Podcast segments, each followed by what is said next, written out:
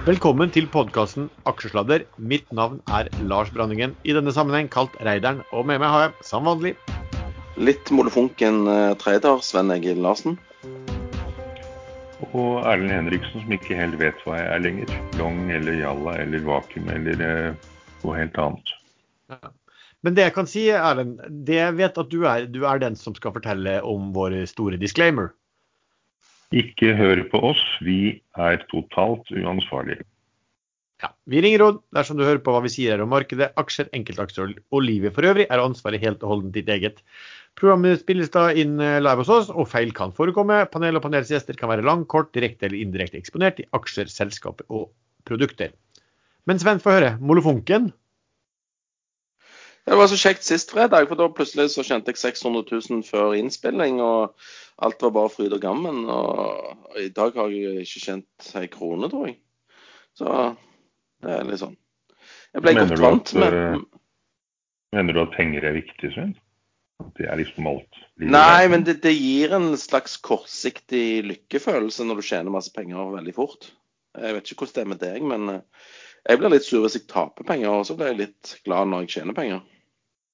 Men syns du du er litt ufortjent, Sven, at du ikke har tjent 600 000 i dag tidlig? Nå legger du ordet ord eh, i munnen på meg her. eh, Og selvfølgelig politisk korrekt. eh, Nei, det er jo ikke urettferdig eller sånn, men ble jo fort vant med det, da.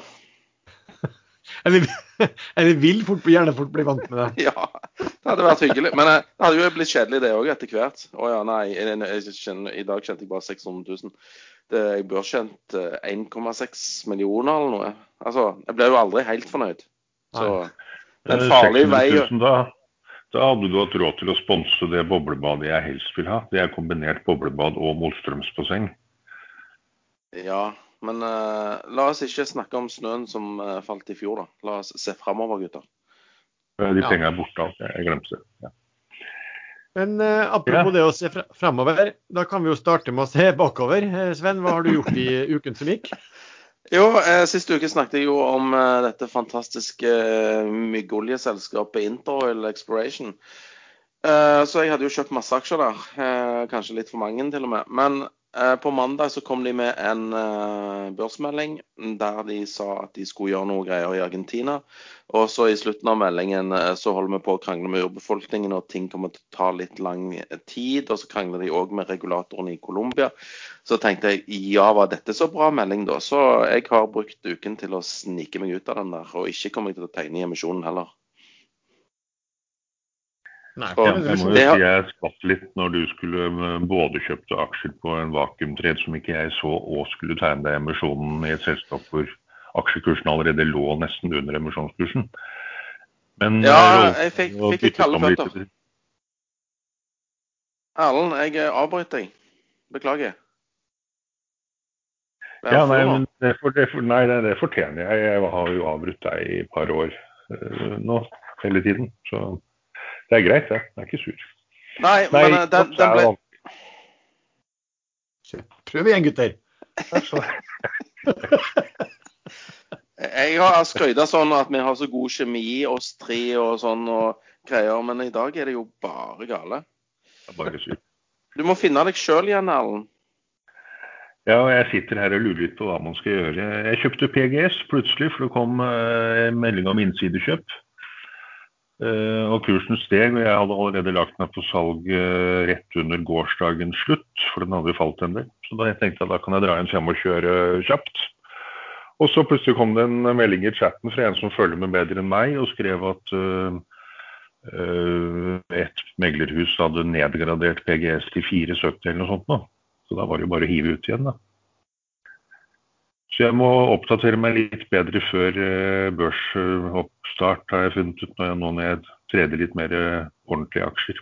Uten Men- å si at TGS er det, så Men det der er jo ikke alltid så lett, da, for av og til kommer det nyheter du bare, bare reagerer på uh, ut ifra en sånn hunch at dette høres bra ut, her er det sikkert eh, Dette kommer sikkert markedet å reagere på. akkurat den uh, nedgraderingen kom jo ikke akkurat da. Den satt jo noen allerede og trede på, visste jo om. Den var jo ikke ukjent for mange som følger med bedre enn meg. Andre ting enn en Interoil, eh, Sven? som du har gjort? Ja, eh, jeg har, eh, har funnet, eller jeg har ikke funnet, men noen andre har funnet fram en amerikansk bulkaksje som jeg har kjøpt en del aksjer i. Jeg kan snakke litt om den litt senere i, i programmet. Og så har jeg handla litt IM Solar. Kan komme med en begrunnelse på hvorfor litt senere, men det var veldig vanskelig å få tak i aksjer der. Så jeg har liksom gitt opp for noen, på plutselig stakk han opp. For du trengte jo bare sånn 10 000 aksjer der for å inn på aksjonærlisten, så da var jo hagla det jo med spørsmål hvorfor kjøpte du den, da? Eh, så jeg kan prøve å forklare det litt senere. Og så har jeg treda litt, eh, økt litt i osten, altså OTS. Mm. Og han, han trader rundt tre blank, så syns jeg er grei inngang. Ellers eh, relativt lite. Jeg har ikke vært med i emisjon. Jo, jeg har vært med i en emisjon òg. I eh, Hva var det den heter, da? De kom i hvert fall med en nyhet i dag at de, de hadde bestilt en ny sånn undervannsdrone og, og, hadde fått kontrakt på den. Jeg skal lete opp navnet til litt siden. Ja. Hva har du gjort da, Erlend? Nei, jeg har øh, gjort litt som jeg øh, advarte litt tydelig om øh, forrige episode. At jeg er blitt mer trader og hiver meg litt fortere ut. Jeg har litt mer enn halvert i, i Finn. Eh, for den har ikke de samme dragene som, eh, som, i fjor. Eh, ingen aksjer har egentlig det. går litt opp, og så flater det ut og faller jevnt og trutt mye raskere nå enn det gjorde i fjor. Så man må endre taktikken litt. Eh, ellers så har jeg overtatt stafettpinnen fra deg i Kyoto. Eh, du snakket om den sist helg, og den kjøpte jeg en del i går. Du er vel allerede ute, tenker jeg? Nei, Nei da. Kanskje ikke helt. Nei, men det er jo en interessant aksje. De, de har eh, ganske top notch styremedlemmer fra Hydro og Yara, er det vel. Og Hydro har jo et av sine datterselskap som største eier.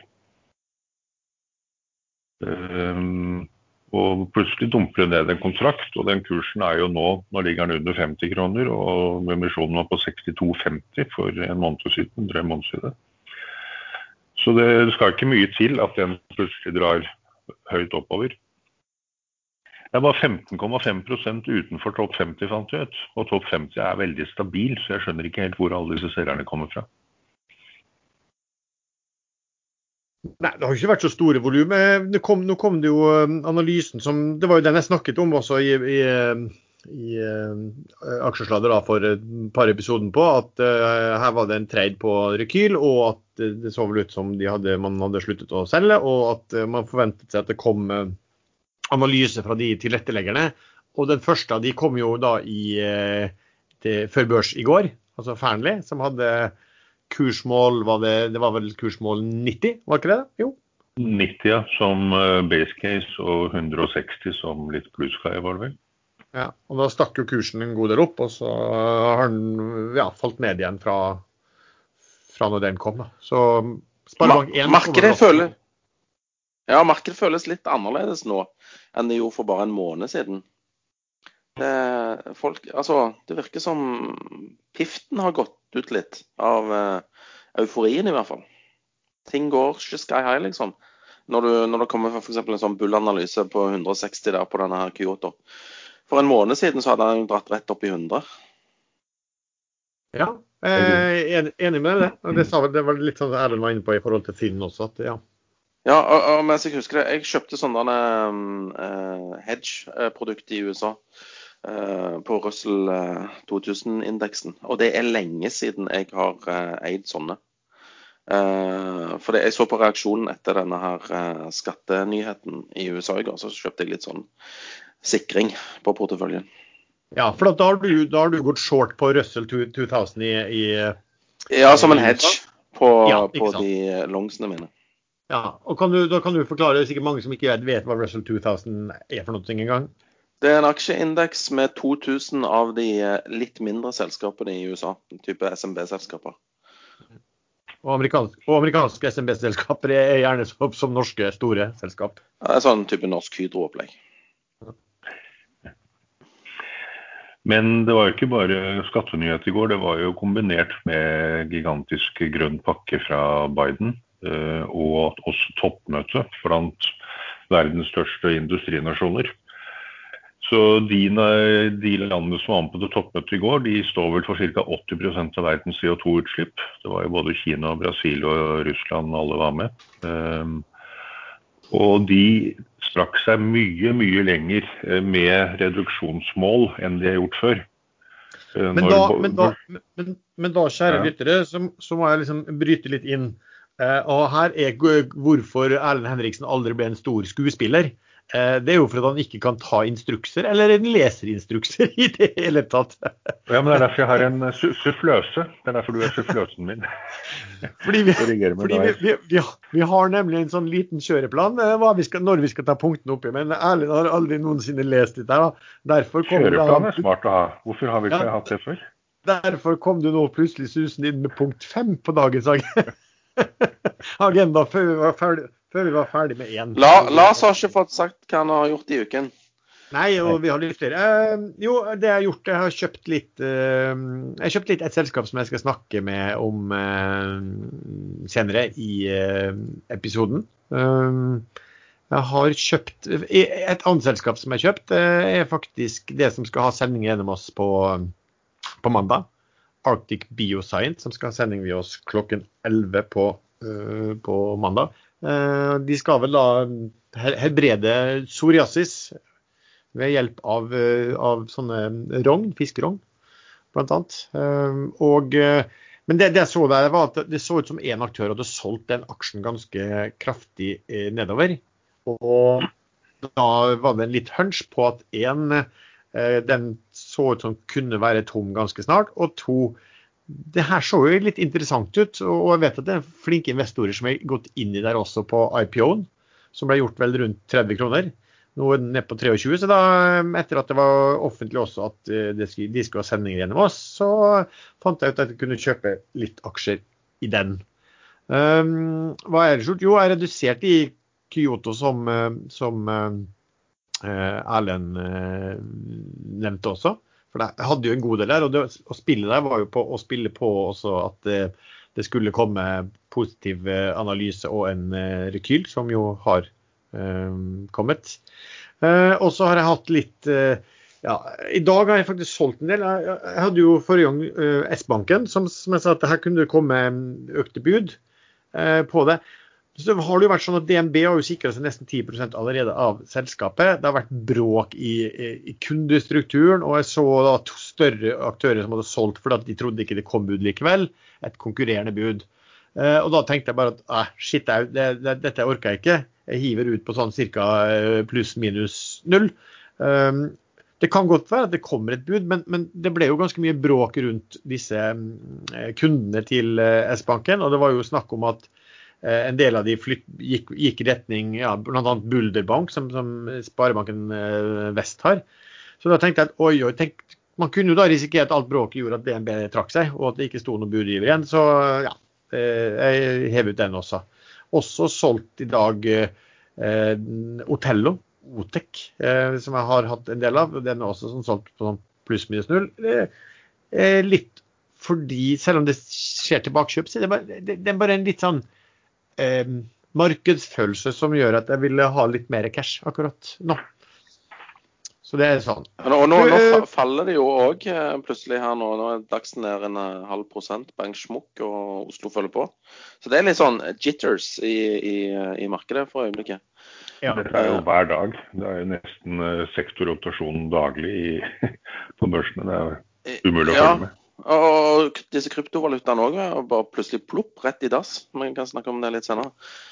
Men la oss ta bare kjapt gjennomgang som vi bruker da, av eh, emisjoner. Da har jo du nevnt en emisjon, eh, Sven. Det har vel ikke vært noe sånn på børsen generelt sett, men det har jo også vært noen, det har i hvert fall vært tre debutanter denne uka her.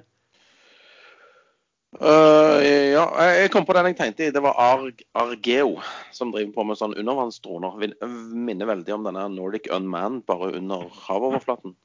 Uh, så jeg håper den blir bra. Uh, nei, Norsk Solar, Stad Torsk, Bergen Karbon, kom den denne uken? Ja, den kom, den kom på mandag, den. Den kom på mandag. Vi snakka om den på, i forrige aksjesladder, og du tipper at den kom til å åpne veldig bra sånn sett også.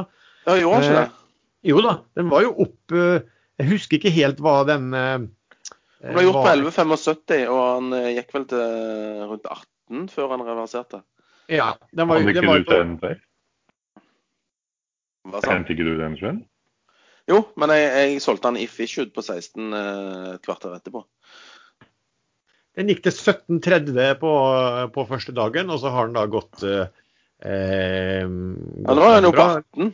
Ja, den ligger på 18 nå, og selv om det sto også noe om at Fredelig hadde solgt. Så den har jo vært eh, Den ble veldig bra. Eh, Norsk Solar er vel falt litt tilbake, men den var opp Var ikke den ble gjort på 9 noen ting? Den var vel opp første dagen eh, Jeg tror den ble gjort på 9,50, eh, hvis jeg husker riktig. Den var opp første dagen sånn ca. 5% Norsk Solar. Når, da, altså, da ligger den da kanskje, hvis jeg husker riktig, ca. Ja, da ligger den jo en del under 5 eller noe under emisjonskursen nå. Kom Stad Torsk i, i dag, og den åpna jo òg Han ligger opp 12,6 fra emisjonen. Så alle de eh, tre har gjort det helt greit. Og vel så det. De har det. Så, men da kan vi gå videre. Nå har vi begynt å touche inne på dette her. Det det er jo litt eh, fordi at vi har fått spørsmål om liksom, hva, hva tenker panelet om sell in, der, ordtaket 'sell in May and get away'. Hva, hva, hva tenker du liksom nå om markedet, Sven? Jeg, jeg har jo toucha inn på det at jeg har blitt litt mer nervøs eh, siste dagene enn jeg har vært tidligere. For markedet har bare gått og gått og gått. Og i forrige episode så har jeg liksom jeg har gitt opp det der BR-greiene. Eh, og så lenge hadde jeg gitt opp det. Nei, men eh, jeg er bare litt, litt mer forsiktig. Det er derfor jeg har hedga. Jeg har ikke solgt eh, alt jeg har av, av lange posisjoner. Men eh, jeg, jeg ser for meg at uh, det, er, det, er noe, det kan bli litt støy. Og da er det greit å ikke tape for mye penger. Men den hedgen vil jo også redusere gevinsten så hvis alt drar videre. Det, det vil han. Så jeg har bare tatt ned risiko, rett og slett. Jeg prøvde å nøytralisere markedsrisikoen. Så, så det, tenker- altså, da taper du ikke så mye penger hvis det går til helvete. Men du tjener mindre penger hvis det går fortsetter opp. Og så er det litt sånn bedt på at det du sitter på, forhåpentligvis da, vil, vil gjøre det bedre enn den sikringen du har. Ja, men det, det, det trenger ikke nødvendigvis å skje, altså. Men, Nei da. Nei. Og du da, Erlend, hva tenker du om, eh, om sånn markedet generelt? Nei, jeg tror vi skal sky high. Jeg klarer ikke helt å begrunne det, men uh, jeg syns uh, Biden gjør det sinnssykt bra der borte. Han uh, jobber stille og rolig, hisser seg ikke opp, bryr seg ikke om halvsøyen rundt, følger sin egen plan. Og, og evner. Han har også gjennomføringsevne. Han forrige galningen, det var jo bare masse støy og lite som skjedde. Uh, jeg kommer ikke på én eneste ting han klarte å gjennomføre, bortsett fra skattelette for bedrifter og de rikeste eh, i sine fire år. Eh, Infrastruktur skulle han eh, bygge om totalt, det klarte han ikke. Han, han klarte å bygge en eh, kvart mur mot Mexico. Så det var, det var bare støy. Biden gjør det ene tiltaket etter det andre, og det, han får det gjennom, og ting fungerer. Men du, Erlend, bortsett Ja. bortsett fra Biden. Du nevnte jo at du så litt sånn kanskje på Kyoto, at, at den ville gått mer på de nyhetene. Og på Finn også, at, og at det er ikke slik det var for ja, i fjor, da, eller noen måneder siden. Jo, er men dette er en sånn konsolidering, eh, tenker Ja. jeg. Uh, vært en sterk oppgang, konsolidere litt nå. Det kan godt være at det kommer en eh, korreksjon, og det er jo veldig sunt hvis den kommer før, før en videre oppgang. Men jeg er ikke så sikker på at den kommer. Men jeg sitter ikke eh, Jeg har prøvd å komme litt ut av de helt uh, låste posisjonene hvor det rett og slett ikke finnes kunder å selge til når man har litt for store poster. Uh, Finn er en aksje som man alltid kommer seg ut av. Uh, Så den er ikke så farlig. Kyoto er kanskje litt mer død på nedsiden, men det blir ikke mer enn 10 tap hvis alt bråstopper. Så For, for, for, der, for der er litt sånn som deg også. Jeg begynner å tenke litt nå på uh, det jeg er inne i. begynner å se på volum på det. hvor lett, altså det, det man vet at Kommer det nedtur, så vet du at en ting er du kan sitte og se på volumet i dag. uh, men da blir det det volumet, altså hva skal vi si, likviditeten, da, mulighet til å komme seg ut. Uh, det vil ikke være så mye kjøpere der da som det er nå. Men det, det man ser, at jeg, jeg sitter jo med en følelse av at, at retail-segmentet er slitent, mer, mer slitent på en måte, eller øh, ikke så ivrig. Og det ser man på mange, mange, på mange nyheter nå. Og så hører man det også. Altså, jeg snakker jo med en del aktører rundt omkring i meglerhus. Du leser fra USA, du leser om Robin Hood. Jeg snakker med folk som driver type sånn investorplattformer som meg, både, ja, i, i, både i Norge og, og, i utlandet. Og beskjeden derifra er jo adskillig mindre aktivitet. Vi ser det jo litt, på, vi, vi ser det jo litt på, mm, på ekstrainvestor også. Jeg ser jo dette Børsekstra som vi, som vi sender ut det nyhetsbrevet som går til 19 000. Der er det OK, den er ikke, jeg ser det litt der, for det er litt lavere åpningsfrekvens og litt lavere veksttakt. da, så Det øker jo fortsatt. Men, men det er noen tegn her da, på Det kan jo være at de har flytta over til, til, krypto, for alt man vet. da. Um, men, jo, men har det, det vært noe særlig nedsalg fra de Uh, ligger, ligger det ikke bare litt i ro? Ja, det er jo det det kan se ut som. Og da, da vil jeg ta en annen ting inn her. da, at uh, Det kom jo nå en sånn oversikt som var veldig interessant. Det var, det var faktisk, Først kom i USA, så kom det det samme for Norge også. og det var sånn at Det har kommet inn mer nytegninger i aksjefond på ett år enn de foregående 15 til sammen. Og det er ganske sykt. Jo, det kan man si. Men så kan man også si at det er jo faktisk det som, eh, det som anbefales. At man skal tegne seg i aksjefond ja, ja. og ikke drive og trede. Så, så, det er jo sånn sett et visst tegn på sunnhet at pengene går den med. Men, men jeg ser jo det forholdstallet er jo ganske vilt. Ja, det, det, er mer sånn at det er mer sånn hvor, når man ser det, så tenker man kanskje mer på eh, hvor mange, hvor mye mer pengeinnstrømninger kan det bli. Men så er det jo sånn at um, det som da skjer altså eh, I USA ikke sant, så trykker de voldsomt med penger. Reelt sett så går de pengene som trykkes til myndighetene, som igjen sender det ut til befolkningen. og som igjen bruker en hel del av pengene for å kjøpe aksjer. Altså, eh, hvis du kan ta bort en del ut, ut en linje her, så kan du egentlig si at i USA, da, og det blir jo egentlig i EU også, på en måte, så man trykker penger for at befolkningen skal kunne kjøpe aksjer. I Norge så bruker man også masse penger nå, og mye av de går inn i aksjemarkedet. Så, man, så, så det er litt sånn at staten sender nytrykkede penger til befolkningen som kan, som kan kjøpe aksjer. Ja, da holder man hjulene i gang. Ja, ja, altså, man holder jo ikke noe Jeg vil ikke si at man holder så veldig mye hjul i gang med, men du holder i hvert fall et, et, du får i hvert fall et veldig trykk opp i markedet. Og det er jo litt sånn at Så lenge dette her da skal foregå, for de skal jo trykke penger eh, fortsatt, så er det jo spørsmålet om det ikke bare fortsetter å komme inn mye penger inn i aksjefondet. Ja, så lenge, så lenge, det går penger inn i alle emisjonene som settes, så holder man hjulene i gang. Det, det, det, gjør jo at selskapene har mer penger å investere mer for. Eh, men å kjøpe og selge aksjer har jo ikke noe å si for, for industrivekst eller fall. Ingenting. Nei, bortsett fra at folk føler seg mer rike, selvfølgelig, når, når aksjen deres eh, stiger i verdi. da. Så, så vil jo det være positivt det for, for, for, forbruket, vil jeg tro også. Det vil også vi har også snakka om det, Sven, at det var sånn rekordhøye eh, belåningsgrad på aksjer også. Så det er jo et gyllent marked for eh, veldig store aktører som eventuelt nå har posisjonert seg for å shorte markedet helt i bånn, hvis det er uh, veldig høy belåning på retail og retail heller ikke har noe mer kjøp for. Da blir det jo full katastrofe hvis det plutselig dropper ned.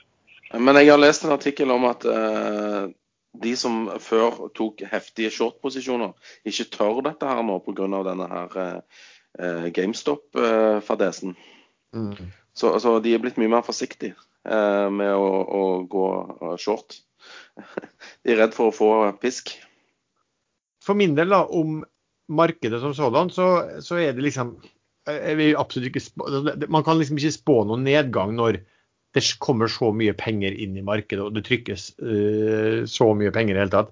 Dessuten er det veldig sjelden at man klarer å spå en nedgang i det hele tatt. Da. Men at det, at det er et marked som er modent for en korreksjon, uh, det er det vel liten tvil om. Eller? Eller, ja. Men eh, Lars, da du var ute en tur, så nevnte jeg at jeg skal vaksineres neste fredag.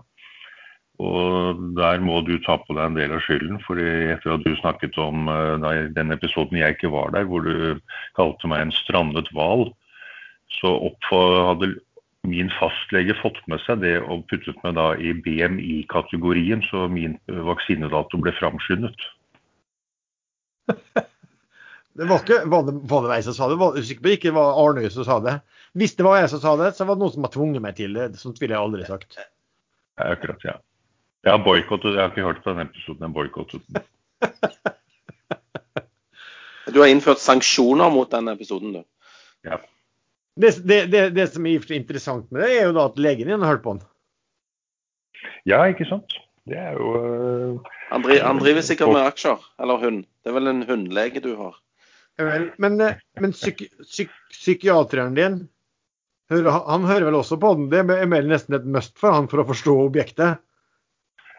Jo, men der er det blitt motsatt. Det er jeg som fungerer som hans psykiater nå. Det går gjerne den veien. Nei, jeg har eh, mannlig lege, Sven. Jeg Kan ikke ha kvinnelig lege eh, med mine daglige små problemer. Nei, nå, nå, nå, er vi bare ute på tynnen. nå må vi finne på noe annet å snakke om. for det blir jo bare fortell, fortell, mer, Erlend. Nei, vi, vi Men eh, vil det bety at du ikke kan delta på podkast eh, neste fredag? Eh, hva er klokka du skal ta? Det har du faktisk rett i. Det er 11.30. Da, må vi, da må vi ta en annen tidspunkt på podkasten. Nei, nei. Nei, det skjer ikke. Dette blir live sprøytestikk-podkast. Live fra plata. Erlend får sprøyta si. Du kan bare delta da akkurat når du får stikket. Så, så får vi en liten uh, tilstandsrapport og litt uh, etterpå. For det, jeg tror det kommer til å gjøre vondt. Veldig, veldig vondt. Mine siste ord var liksom på podkasten neste fredag. Kjøp Tinn. Det var en, det var en, det var en tynn sprøyte. Nei, det blir bra, det. Ja, nei, det blir sikkert, eh, det blir sikkert eh, bra. Jo, hva er det Pfizer-vaksinen er det jeg skal få. Eh, så det er den samme teknikken som Moderna, men Moderna er jo da medisinverdenens Tinn. Det er jo det selskapet som fake it till you make it de luxe. De har jo aldri fått til noe som helst før de fikk den vaksinen. Så jeg er egentlig glad for at det er, eh, at det er uh, Equinor jeg får i armen, og ikke, ikke Tinn-film. Ja. Hallo? Ja, vi, vi hører deg, vi.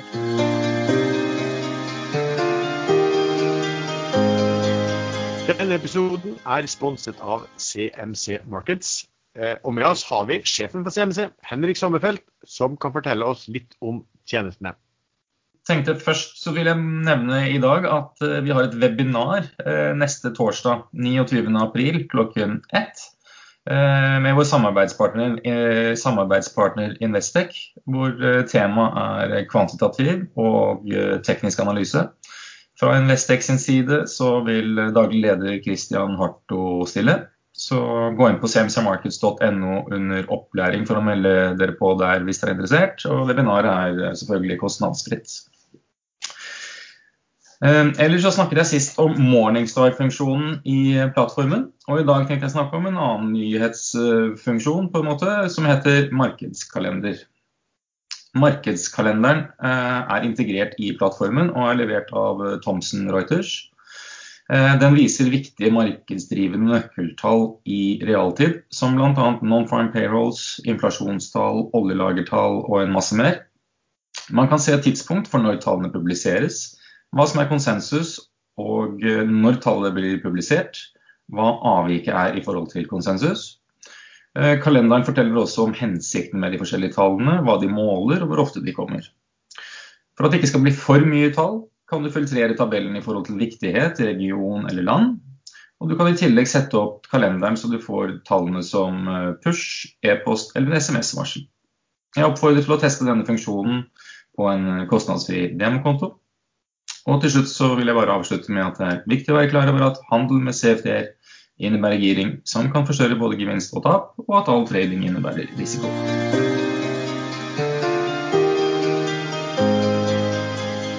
Men da um, kan vi jo gå over til et litt annet punkt. For nå var du, du var jo inne på det, da. Um, Erlend. Og det er jo slik at uh, Biden er, har jo da vært ute med én med en uh, grønn satsing, uh, og to em, så har han også kommet med, overraskende nok for politikerne i disse dager, at eh, noe av dette her skal finansieres på en måte. Kan du fortelle litt hva han, hva han holder på med nå? Jo, han øh, gjør jo da det som han forrige ikke gjorde. Han, øh, han kjører store pakker, tiltakspakker, infrastrukturpakker, øh, grønne pakker, øh, men vil også faktisk finansiere dem. Eh, Og det er jo da en demokratisk president som mener at man må ha en sunn finansiering i bunnen. Eh, Mens øh, republikanerne nå skriker og hoier og syns dette er forferdelig ille. Eh, Mens de under den forrige presidenten ikke brød seg om finansiering i det hele tatt. Så her er jo ting snudd fullstendig på hodet. Eh, Å skattlegge de rikeste i USA, det, det har alle visst skulle komme. Så i går kveld så diskuterte vi det på ekstranettet i chatten. Og da var eh, futtene litt røde. De falt litt etter at eh, den eh, eh, skatteprosenten ble kjent. 39, et eller annet. Det er jo en relativt høy stigning fra dagens tall, som jeg ikke vet hva er, faktisk. Men dette er sånn maks marginalskatt. Så 39 er ikke all verden, faktisk. Eh, Men de rike milliardærene har jo allerede et par år sagt at de gjerne vil betale mer skatt. Eh, Jeg googlet opp en eh, Forbes-artikkel fra oktober 2019, som er ikke mer enn to og et halvt år gamle. Da var det 100 amerikanske milliard- dollarmilliardærer som sto fram offentlig og sa at de ønsker å betale mer skatt og bidra til fellesskapet. Så dette er ikke noe problem. Eh, Og med en så stor gjeng med de mest kjente, annet Buffett Buffett og Bill Gates og Google-sjefen var vel der osv., så, videre, eh, så blir det veldig vanskelig for andre småmilliardærer å, å klage på dette. Det tror jeg ikke de tør. Så jeg skrev da klokka, litt før klokka 11 i går kveld, når en mente at her kom børsene til å falle, at det, dette er forbigående, dette har markedet vist lenge, og dette går over. Og en halvtime etterpå så var futtene grønne. Og det er de nå også. Så dette er allerede ferdig tygget og glemt, tror jeg. Ja, I den grad. Kapitalskatten ja, kapitalskatten økes fra 20 til 39,6% for de som har tjent mer enn 1 million dollar. Og Det skulle da tilsvare ca. 0,32% av befolkningen. Så jeg tror nok eh, du har rett i at det ikke betyr så veldig mye eh, for markedet. Dessuten er det også et forslag. Det er jo et forhandlingsutspill, eh, mer eller mindre. Eh, Så den eh, blir vel sikkert redusert til eh, litt over 30 eh, før det går gjennom Kongressen og Senatet. Så det er helt marginalt hvem som blir berørt av dette her. Men det gir jo ganske mye penger inn i statskassen, så absolutt fornuftig måte å finansiere det på. Nå var jeg var ute og gikk en liten tur, men for at jeg måtte se etter han karen som skal dukke opp. Men så snakka du ting om den grønne pakka til han Biden, eller var det noe spesielt der? Vent litt, jeg skal gå, jeg kommer tilbake ut. Jeg må bare hjelpe deg litt her. Han der eh, tar seg friheter, syns jeg. Ja, han gjør det. Eh, Midt i sending. Han, han vet jo at vi skal ha sending nå, og så bare stikker han. Garantert en, kvinne, garantert en kvinnestemme vi hører i bakgrunnen nå snart. Ja, du tror det? Ja, ja. Hei, Lars. Ja, men eh, hun, hun kan jo ikke komme midt i sendinga, hun heller, da. Nei, men. Lars har jo sikkert har instruert sin bedre alder til å ta seg en joggetur når han har sending, så han ikke blir forstyrret. Så det er jo, Ja, er for, forrige, forrige fredag òg. Han brukte så græla lang tid på den klippinga og redigeringa. Og så ja. var han jo hjemme alene. Og så han, satt og så på Formel 1. Ja, Det, det, tror, det, tror, det tror vi på. Ikke sant? Ja, ja, nei. Jeg håper han hører på dette litt senere. Ja, men nå har han allerede brukt over 30 sekunder, så det er jo litt Det er jo, begynner jo å nærme seg ny, ny rekord. Hei, boys! Jeg har jo ropt han, jeg kommer.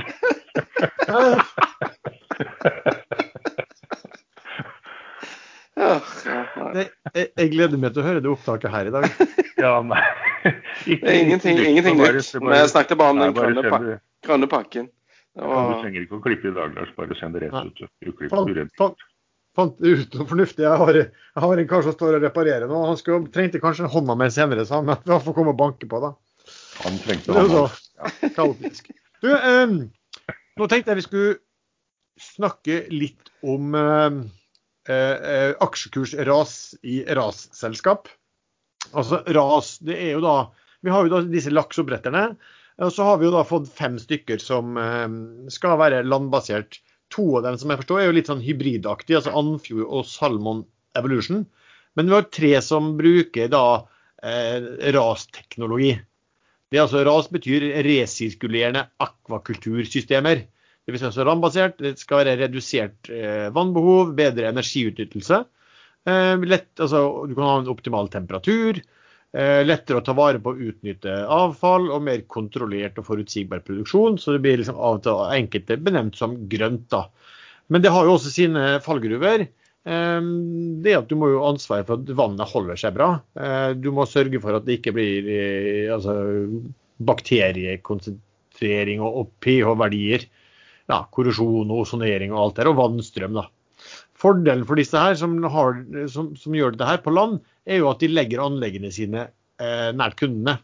Eh, lavere trafikk, logistikkostnader, for å si sånn, og det er jo miljøvennlig også. Så jeg vet ikke, altså, eh, Har dere fulgt noen ting med på altså Atlantic Sapphire og Proximar og det, som heter Nordic Aqua Partners? Vi snakket jo om dette forrige uke, Lars. Husker ikke du det? Kun Atlantic Sapphire. Nei, Jeg, jeg nevnte Proximar òg. Ja, At, eh, at eh, de, de, de skulle jo gjøre dette her i Japan. ja, ikke sant. Men de har jo bare falt og falt da, eh, på børsen. Kraftig Ja. fra forrige uke også. Ja, det kom jo fram at de måtte hente inn finansiering via et obligasjonslån istedenfor banklån. Fordi at de er litt for tidlig i prosessen til å få disse banklånene. Så Da har liksom aksjen blitt straffa veldig mye. Men de er jo, altså kursen er jo langt unna investert beløp i det selskapet der nå. Så hvis du er bull på Proxima, så bør du i hvert fall kjøpe den nå, og ikke på dobbel kurs. Atlantic Suffer er jo ned fra forrige Skal vi se det og den er Men der, der var vi enige om at de måtte vel eh, snart hente penger. Så Ja. de gjør seg jo bare deilig for, eh, for meglerhus her nå. ja, Eller meglerhusene gjør seg, de, gjør seg deilig for de, mener jeg. Det er motsatt. Det er riktig. For noen meglere har jo kommet ut, og så har de, alle, alle har jo kutta kursmålene. Eh, Noe har kutta dem litt, grann, og det er vel de som var mest ivrige på å få, på å få eh, emisjonsoppdrag hvis det skulle komme. eh, Som det sannsynligvis gjør. Og noen har kutta dem ganske så kraftig og ned mot dagens kurs. Proximar ser jeg når vi snakket om de da på, for en uke siden, så slutta den på 11,37. Den ligger nå på 9,6. Så den har falt kraftig også. Det, det jeg tenkte, jeg satt og så bare kjørte en sånn liten sammenligning eh, på disse her. Um, altså Atlantic Sapphire de er jo kommet lengst. ikke sant? De jo, har jo allerede tatt sin første harvest og, og har anleggene i gang, men sliter liksom med å få ja, De rapporterte jo og sleit vel med både vekst og slakting og alt sammen. Eh, Men Det kan jo skje i tidlig fase på disse her. Men, men Atlantic Sapphire de er prisa da, eller på sluttkursen i går var de prisa til en, en eh, market cap på 6,5 milliarder. Og det jeg tror jeg kunne se var at sånn, sånn cirka er det investert, altså egenkapitalen som er investert, eh, er 2,8 milliarder. Den har falt 43% faktisk i en måned. Proximar de hadde da i går en market cap på 374 millioner. Men det som er dytta inn av egenkapital der, er 435 millioner. Så de, eh, mens da Sapphire var prisa til skal vi si da, litt 2,3 ganger investerte beløp, så er Proximar prisa til ca. 0,8 av det som er dytta inn i egenkapital.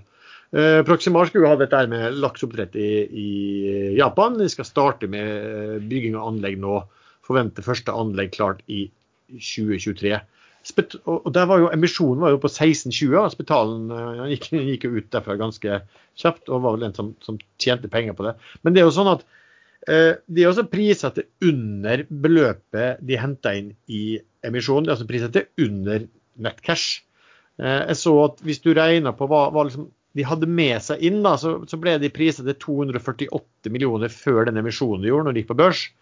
Eh, de 248 prises nå i dag til minus 26.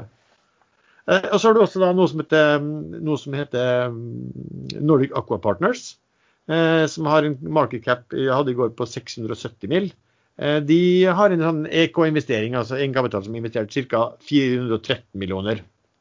1,5 ganger. De, bygge, de er i gang med et anlegg i Kina.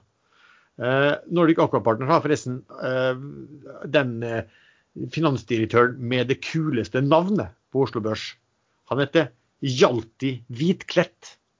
Eh, og det er vel et navn som gjorde at han egentlig burde fått, en sånn, eh, fått en hovedrolle i The Vikings eller et eller annet sånt, som løper rundt med sverdet sitt og ja.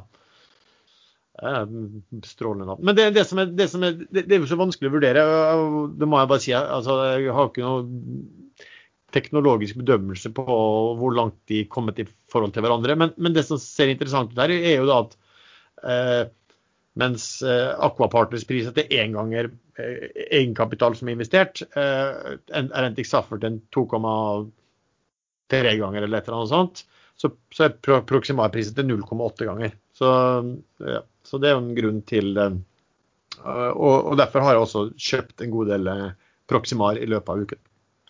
Uh, men har dere gjort noe sånt særlig i, de, i, de, i noen av de? Jeg traff bånden i Proximar. Men jeg solgte på 9,5 Nei, 9,68 solgte de på igjen. Så det var rett inn og rett ut. Ja, så du er ute allerede? And it's gone? Ja, det, det, var, det var, gjort på en dag, det. Ja. Jeg har aldri Nei, jeg tror jeg, jeg, tror jeg, jeg satt over natten. Satt til og med over natten. Det var ikke en daytrade engang. Det var en sånn eh, Hva kalles det da når det er to dagers trade? Det er long, long, long. long, long. Det var litt mange long. Ja, jeg ser det komme en snittkurs på 9,39, så det ser jo akkurat nå bra ut. Da, det hørtes dyrt ut. Hæ? 9,39? Det hørtes dyrt ut, ja. ja, det blir, my blir mye billigere enn det, mener du? jeg kan lete opp hva jeg kjøpte for, mens dere kan ta en trall eller noe. Ja, Sven, har du gjort det? Har du fulgt med noen? Nei, Erlend, har du fulgt med i de um, aksjene? Nei, jeg har hatt barn som har hatt akvarie, akvarium, akvarie, husker ikke, eh, hjemme. Og det går jo alltid bra noen måneder, og plutselig så blir det mer eller for mye eller for lite et eller annet, og så dør all fisken hver gang. Så øh, det blir sikkert bra på sikt dette her, men de har jo ikke full kontroll på, på systemene sine ennå. Så jeg venter litt. Proximar var vel, altså Årsaken til at de falt, er vel at de når de gikk på børs, så skrev de at de var kommet de, de skulle jo sette opp anlegg i Japan, og at de snakket med japanske banker da, på dette her. Eh, men nå hadde du leid inn et par meglere for å, for å hente penger i hjelp av obligasjonsmarkedet, altså såkalt grønne obligasjoner. Eh, og da ble det med en gang diskusjon liksom at OK, var det ikke så lett med bankfinansiering, kommer dette her til å bli dyrere? Så um, om den får den rekylen tilbake igjen uh, uten det, eller om det først må komme en melding om at de kanskje har fått uh, denne obligasjonsfinansiering, uh, det vet jeg ikke. Og, og får, de får, de til sånne grønne obligasjoner, så bruker vel det å være eh, ganske så rimelig. Jeg, jeg, var ikke så flink som jeg trodde. 9,28 var snittet på kjøpet. Ja, men det var bra, det. det var bedre enn meg. Ja, men jeg ser han begynner på 9,20, så jeg er ikke fornøyd. det var sikkert bare ti aksjer Sven, på var 9,20, så det Nei, jeg kjøpte rundt 20 Ja, det vet jeg ikke, men jeg kjøpte rundt 20 000 aksjer. Altså, men jeg heiv de ut på 968 igjen nå, i går. Jo, men det er jo noen prosenter, det. Ja. Nja. Ja. Det er sånn. Det er småtteri. Smågodt, kaller vi det. Vi har fått spørsmål om skatt og fradrag for investorer. Har dere noe sånn innspill å gi til eh, Nå er det vel eh, innlevering av selvangivelse om, en, eh, om en drøy uke. Noe forslag til hva man skal føre opp som fradrag? Ja, Da kjører jeg all virksomhet via aksjeselskap, så da, det, da, faller det litt bort. Men for personlige aksjonærer og skattytere så må du trekke fra telefon og aviser og, og internettkostnader og slike ting. Det pleier funke som søren. Avisabonnementer. Men uh, du får vel ikke trukket frem en halvparten av telefon, f.eks.? Telefon og internett? Nei, jeg, jeg, jeg, jeg, tror jeg fikk trukket i hvert fall fra all internett. Men nå hadde jo jeg litt size på den private virksomheten nå. Og så var internettlinja treig i gamle dager.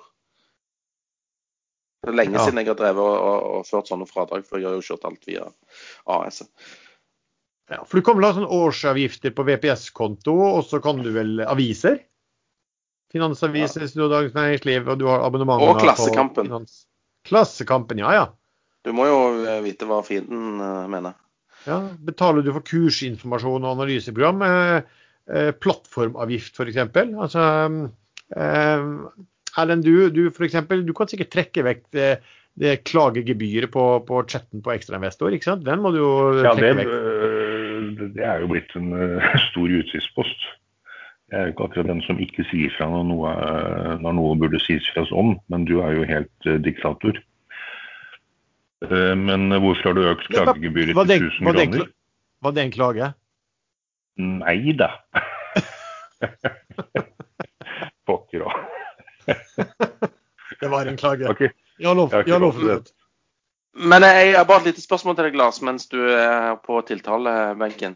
Eh, hvor er det de kjører sånne Formel 1-løp henne på fredagskveldene? På Den fredagskveld. var slem, den var slem Sven. Nei, du får ta oss og høre på opptaket mens du var og, og gjorde ditt eh, ærend her for, litt siden. Hør Høre på podkasten etter at du har lagt ned uklippet. Men jeg tipper at det Jo, nå, nå vet jeg hva det, det, eh, var at det tok litt lang tid. Jo, vet du hva. Det er jo en eh, Har du ikke sett den Formel 1-serien som går på Netflix? Hvilken dag da? Hvilken dag på Netflix? Det er ikke NRK vi snakker om. Ja, men du, hør. eh, Nei, eh, den derre Formel 1-serien på Netflix, den er dritbra. Og, så da ble jeg litt sånn eh, Ja, kona var bortreist, og da var det veldig hyggelig å bare sitte og se på serie på serie på serie. Og den eh, Ja, aksjesladderklipping. Vi fikk være aksjesladderklipping en periode. Hører, hører du nå, Sven? Han, han forklarer mer enn vi har spurt om. Stemmer det? Det Det er er, sånn ty typisk. tegn på skyld... altså at det er skyldig. ikke sant? Ja. Det er det politiet bruker hele tiden. De bare lar folk snakke, snakke seg fra gård og grunn. Mer og mer svett i panna og fortsetter bare å snakke. Ja, men uh, da har vi vært innom det. Men uh, ja, du har type sånne pl plattformavgifter og alt der da, som du kan, uh, du kan trekke vekk. Og Hva det så, Sven, at, at hvordan, hva, si, hva sier de om, om internettkostnader? Bruker, det bruker vel de å godta det også, hvis det er litt size på det du holder på med? Ja, tror ikke det. Men dette var et veldig kjedelig tema, da. Ja, det var det. Men det var kanskje nyttig for en del, da. Hvor mye Ja, Det er en sparer, hvor egen mye øh, sparer du kanal på på dette? Ekstrainvestor som heter, heter Skatt. Bare søk opp Skatt på Ekstrainvestor. Der er alle disse spørsmålene besvart ti ganger. Men man må jo kunne trekke fra øh, timebruk for å korrigere feil skatteetaten har gjort. Hvis du Eh, bruker profesjonell hjelp, jeg. Du kan ikke bare sette deg ned og ta 1000 kroner timen, liksom. Ja, men det jeg må si om skatteetaten, er at jeg er veldig glad i dem nå. For det, eh, jeg fikk jo en eh, ganske fet tvangsmulkt pga. litt uheldige omstendigheter på ikke-innlevering av eh, aksjonæroppgaven i tide. Det var vel rimelig utide, for å si det sånn. Den, eh, den, den strøk de etter min klage. Så det var snilt. Eh, Da konstaterte de at eh, dette var en kar som hadde levert prikkfritt i så og så mange år, så dette måtte være en hendelig glipp. Strøyk hele beløpet. Jeg er litt pussig at du tør å stryke det sånn, for det blir jo presedens. Da er det veldig veldig mange som kan klage på sånne gebyrer. De gebyrene er jo helt sjuke i seg selv. Ja, de er jo det. 44, hvor Eh, er det? 44 000 pga. Du hadde liksom glemt det, og har man glemt det, så har man jo glemt det til man blir minnet på det. Og det, du får jo ikke noe nytt varsel før du får boten i, med Altinn-boksen. Nei, altså du får, og så får du det inne på en eh, e-mail, og, den kan, og det står ikke hva den e-mailen gjelder. Det står bare at du har fått en melding på Altinn. Eh, det står ikke hva det gjelder i, i hele tatt. Og, og, og den, kan, den eh, mailen går fort i spamfolder også, ikke sant. Så da har du det gående. Men OK, sånn er det. Du, um, jeg, jeg toucha inn på det, men jeg skulle bare nevne det altså at vi får da Arctic Bioscience, ticker ABS, på eh, sending via ekstrainvestor på førstkommende nå mandag 26.4 klokken 11. CEO Ole Arne Eiksund sammen med CFO-en Daniel Glenn presenterer selskapet og svarer på spørsmålet. Analytiker Patrick Ling i DNB Markets er moderator. moderator. Arctic Bioscience er et, bioteknologiselskap som utvikler og kommersialiserer kosttilskudd og utvikler legemiddel på, basert på de unike egenskapene til sillerongolje. De ble notert på Euronex Growth i februar og har en markedsverdi nå på ca. 560 millioner. De utvikler altså nå et nytt legemiddel for mild til moderat psoriasis. Eh, det er et stort globalt marked med udek betydelig udekket medisinsk behov. Og Arctus Bioscience vil tilby behandling i kapselform basert på naturlig råstoff silderogn. Så um, ja, der kan du ta turen inn på Ekstrainvestors Facebook-side eller på Incurate på mandag klokka 11 for å se live. Eh, men begge stedene så kan du også se eh, opptaket. Er det stikkpiller det er snakk om her, da? Eh, jeg veit ikke. Nei. Da gleder vi oss til å høre om det på mandag. Jeg må, Ja, det- må fyre av et spørsmål. Ja, du må du, du hadde jo et godt spørsmål når vi hadde eh, hav på det. Var ikke det du stilte spørsmål om, om kursmålet var 32? Jo, og så tror jeg eh, jeg hadde et spørsmål til han der eh, borte i Teko òg. Om, eh, om eh, det var kursmålet, det som de eh, Det var et tall i hvert fall som var helt astronomisk. Da fikk Teko de seg en Ja, sjø- Teko gikk på 2030. om det var kursmålet. Hvordan har det gått med CK2030? Har de fått til en eneste av de milepælene de lovte å få til da de kom på børs? Eh, jo, de, de, de, de melder faktisk De har jo veldig sånn, stor eh, newsflow på hva de, eh, hva satser på. Men har- de har vel ikke noe produkt ferdig? De har vel noen scrubber-produkter som de, har ferdig sånn, å selge? De var vel noe nylig ja, De meldte vel det faktisk for i denne uken allerede. Newly developed hybrid closed loop future funnel. Eh, og så har de jo mye sånne samarbeider, og, og jobber jo også med den fabrikken som har vært litt fram og tilbake på, som først skulle ligge ett sted, og så skulle den settes opp i, da, i, eh, i eh, Narvik. Så, så det, de har mye det er mye eh, intensjonsavtaler og planer, og, og, de jobber med de der produktene de hadde.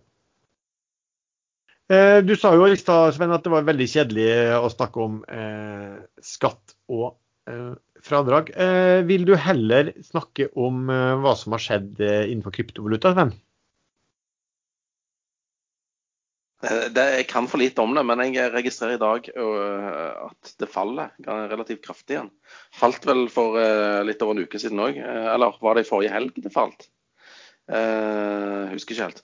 Men uh, også så kom det et nytt uh, kraftig fall. Så jeg vet ikke helt hva som skjer. Eh, er det Men, liksom øh, vår tids tulipanløk som nå er i ferd med å smuldre opp eller visne? Jeg vet ikke. Kan jeg, Nå du har jeg kan akkurat lest en, eh, ja, akkurat lest artikkel om denne tulipanløk-myten som, eh, som går. Eh, Det tulipanløk-krakket, det skjedde aldri. Bare tull alt sammen. Det er tulipan? bare, bare tull i Spania. Det, eh, det var eh, litt, men ikke i nærheten av den store myten. Så alle disse sammenligningene med det store tulipankrakket i Nederland, de må man bare slutte med. Men eh, man må jo nevne da, når krypto når du, Jeg tror du til og med sa at eh, bitcoin har gått i dass eh, litt tidligere i sendingen. Eh, Den er fremdeles 15 ganger det den bundet ut på for et år eller halvannet siden. Ja, Ja, men han er jo nær, fem, nær 15 i dag. Ja, ja. Men det, er, ikke- det, er, det er vel ikke unormalt for bitcoin i det hele tatt, det der å, å ha veldig, veldig store kurssvingninger? Og de andre kryptovalutaene også. det.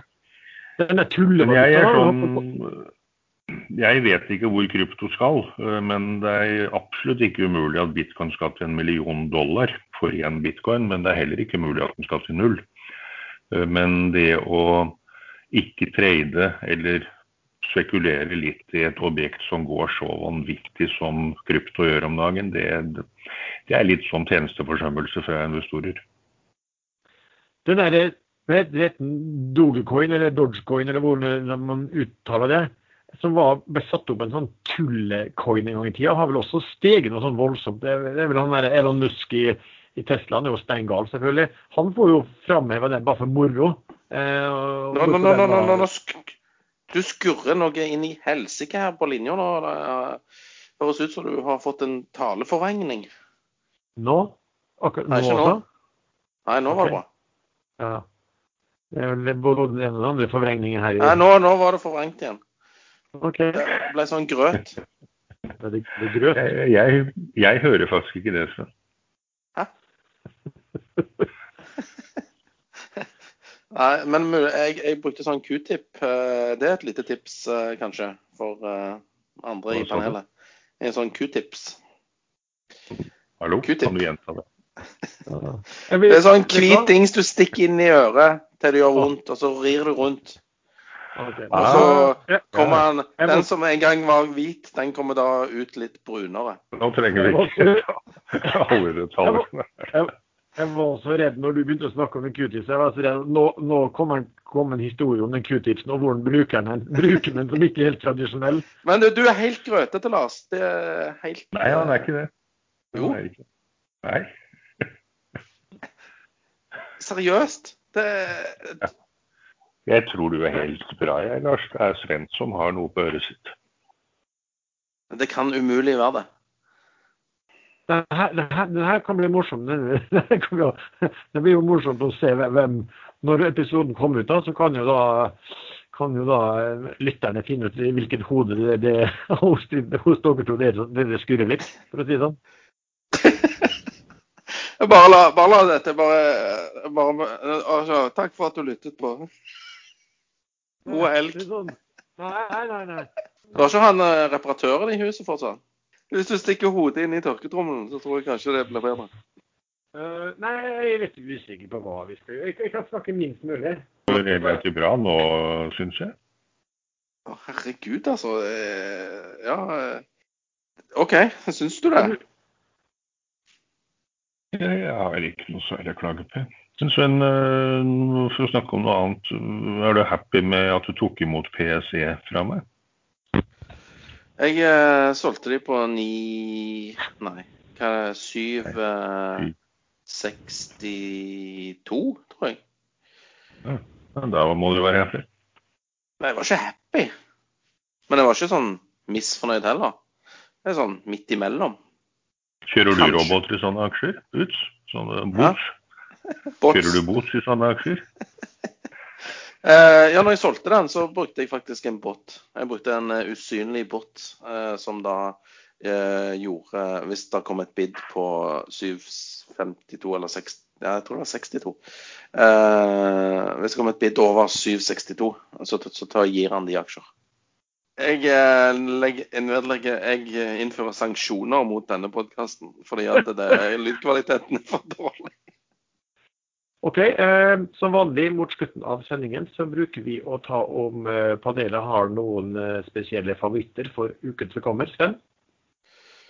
Eh, ja, som jeg nevnte innledningsvis, så har jeg sett litt på en amerikansk bulkaksje som jeg har blitt eh, eh, forelagt av folk som kan dette her. Og den heter Pangea Logistics Solutions, tikker PANL. Der For det første er han veldig billig. Det som trekker ned, er at han har vært veldig illikvid. Den eh, trades til ca. 0,5 ganger Nav. Eh, de tjener greit med penger. Og eh, de som styrer selskapet, er ikke fra Hellas. Og det er et stort pluss. Um, det som er drawback, er at det er en veldig stor selger. Det er et stort fond. Um, og, og de kommer ikke til å bli tomme med det første. Men det drives og, og, og, og selges fra den posten eh, nesten hver dag. Eh, og en eller annen gang så blir de eh, tomme, og da tror jeg den kommer til å, bli reprisa. Det er fondet Cartesian Capital Group som driver og slenger ut. De har eh, mer enn 12 millioner aksjer igjen å selge. Eh, jeg vet ikke helt hm, hvilken strategi de har på det, men eh, det som skjedde var at to eh, styremedlemmer i eh, panel eh, gikk av, og de tilhører begge dette fondet. Så det er noe å følge med på. Trenger ikke kjøpe denne her aggressivt eh, nå, men følg med om, eh, om eh, disse Cartesian-folkene blir tomme etter hvert. Så er det en veldig billig bulkeksponering, og bulkmarkedet er jo helt bonanza for tiden. Det var vel egentlig det jeg hadde. Ellen, har du noen spesielle favoritter for uken som kommer? Jeg nevnte jo da Kyoto, din, din aksje fra forrige episode, som jeg stafettpinnen på. Men du er vel fremdeles med på runden et par runder til. Det er jo kommet én analyse. Den var jo bra. Og det forventes en til fra den andre tilretteleggeren, Sparebank1 Markets. Så da kan man jo håpe på at den kursen drar seg videre opp til uka. Nå holder den seg veldig bra, sånn rundt pluss-minus 50 i dag. På litt lavt volum, men det tyder jo også på at det ikke er mange villige selgere akkurat nå. Så akkurat nå mens vi satt og snakket, så økte jeg litt til i den. Sin film, Finn, Sven, ikke Finn, men Finn, de har muligens bundet ut, men jeg er litt usikker, så jeg har redusert en del og avventer litt før jeg ser videre. Men det, jeg tror det kommer melding ganske snart, for de skal jo allerede i Q3 tidlig i juni-juli begynne å produsere disse batteriene. Bortsett fra det så, så har jeg ikke så mange ting jeg har lyst til å snakke om denne uka. Det er et vanskelig marked. Litt sånn avventende. Litt forsiktig med gjør. For min del så har vi snakket om disse RAS-aksjene og Proximar nevnte. Så det er vel kanskje en som jeg ser del på i uken som kommer. Hadde vært fint hvis de kom med en avklaring på, på den finansieringen. Uansett så syns jeg at å prises under kontantene de under nettcash og under kontantene de fikk inn på emisjonen for uh, kort tid siden, det virker uh, som en ganske stor uh, overdrivelse. Da, da, er det jo presis som om at, at pengene skal, skal bli, blir investert på en kapitalødeleggende måte. Er det noe mer dere har lyst til å fremheve før vi tar helgen? Jeg foreslår at uh, du bruker litt av dine oppsparte midler til å kjøpe deg en ny uh, mikrofon. Sånn at det ikke gjør vondt å være med på dette her framover. det, er din, det er din favoritt for uken? Jeg tror ikke vi får masse nye lyttere på, på, på det her. Hvis vi høres ut sånn som dette framover. Ja. Nei, det skal, det skal vi få ordne, Sven. Uh, men du, for øvrig, før vi tar helt i kveld, når, når det her blir kommer på lufta, så har det vel kommet også et eh, større intervju med deg i Dagens Næringsliv, Sven? Ikke så? Vet du hva, Jeg måtte ned på Ølbergstranden og eh, tilhørende områder for å ta, få tatt noen nye bilder til avisen. Fordi at nå syns til og med Dagens Næringsliv at dette champagnebildet var rimelig oppbrukt. Så de sendte en ny fotograf, da. Eh, og jeg er redd han ikke kunne gjøre så veldig mye med motivet, men uh, han har vel noe filter han kan legge på eller et eller annet, så det ikke ser så jævlig ut. da.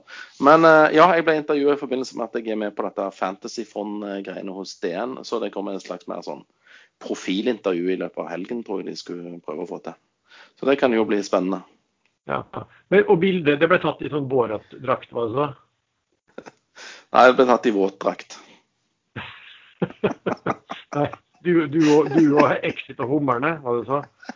Jeg prøvde det, men det var for mye sol. Altså, Han ville ikke ta bilder i solen. og jeg foreslo, Det var faktisk en eh, fisker som lå til kai der, eh, med fullt fiskeutstyr, altså full kjeledress og kapteinslue og alt. Men han gikk ikke med på det fordi det var for dårlig lysforhold. Det var masse hummerteiner òg som lå slengt rundt omkring der. Så det var litt dumt. En dårlig fotograf. Spiste du softis? Nei, men fotografen gjorde. Mens han skulle ta bilde. Og det gikk jo dårlig, så han sølte jo på, sølte jo på kameraet sitt. Men, men. Ja, Erlend, du, har du noen uh, gode ord å komme med før vi runder av for denne episoden?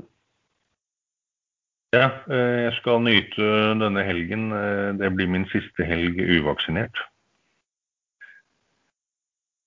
Så da må jeg jo gjøre litt, litt sånn eksessive utskeielser av det meste. Det syns jeg du bør gjøre. Og lytterne kan jo være sikre på at vi, vi skal gjøre vårt ytterste for, for, å få med herr Henriksens smerteskrik når uh, han endelig mottar sprøyten. Det må vi prøve på. OK. Eh, ja, da takker vi for dere som har uh, lyttet til denne programmet. Beklager dårlig lyd. Det skal vi få fikse til neste gang. følg oss gjerne og ta diskusjonen med oss inne på chatten på Ekstrainvestor. Vi er også en uh, gruppe på Facebook som heter podkasten Aksjesladder. Og Aksjesladder finnes jo faktisk da også nå på Instagram. Musikken er laget av sjaskod.com. Takk igjen for at du har lyttet, og så høres vi snart igjen. Uff.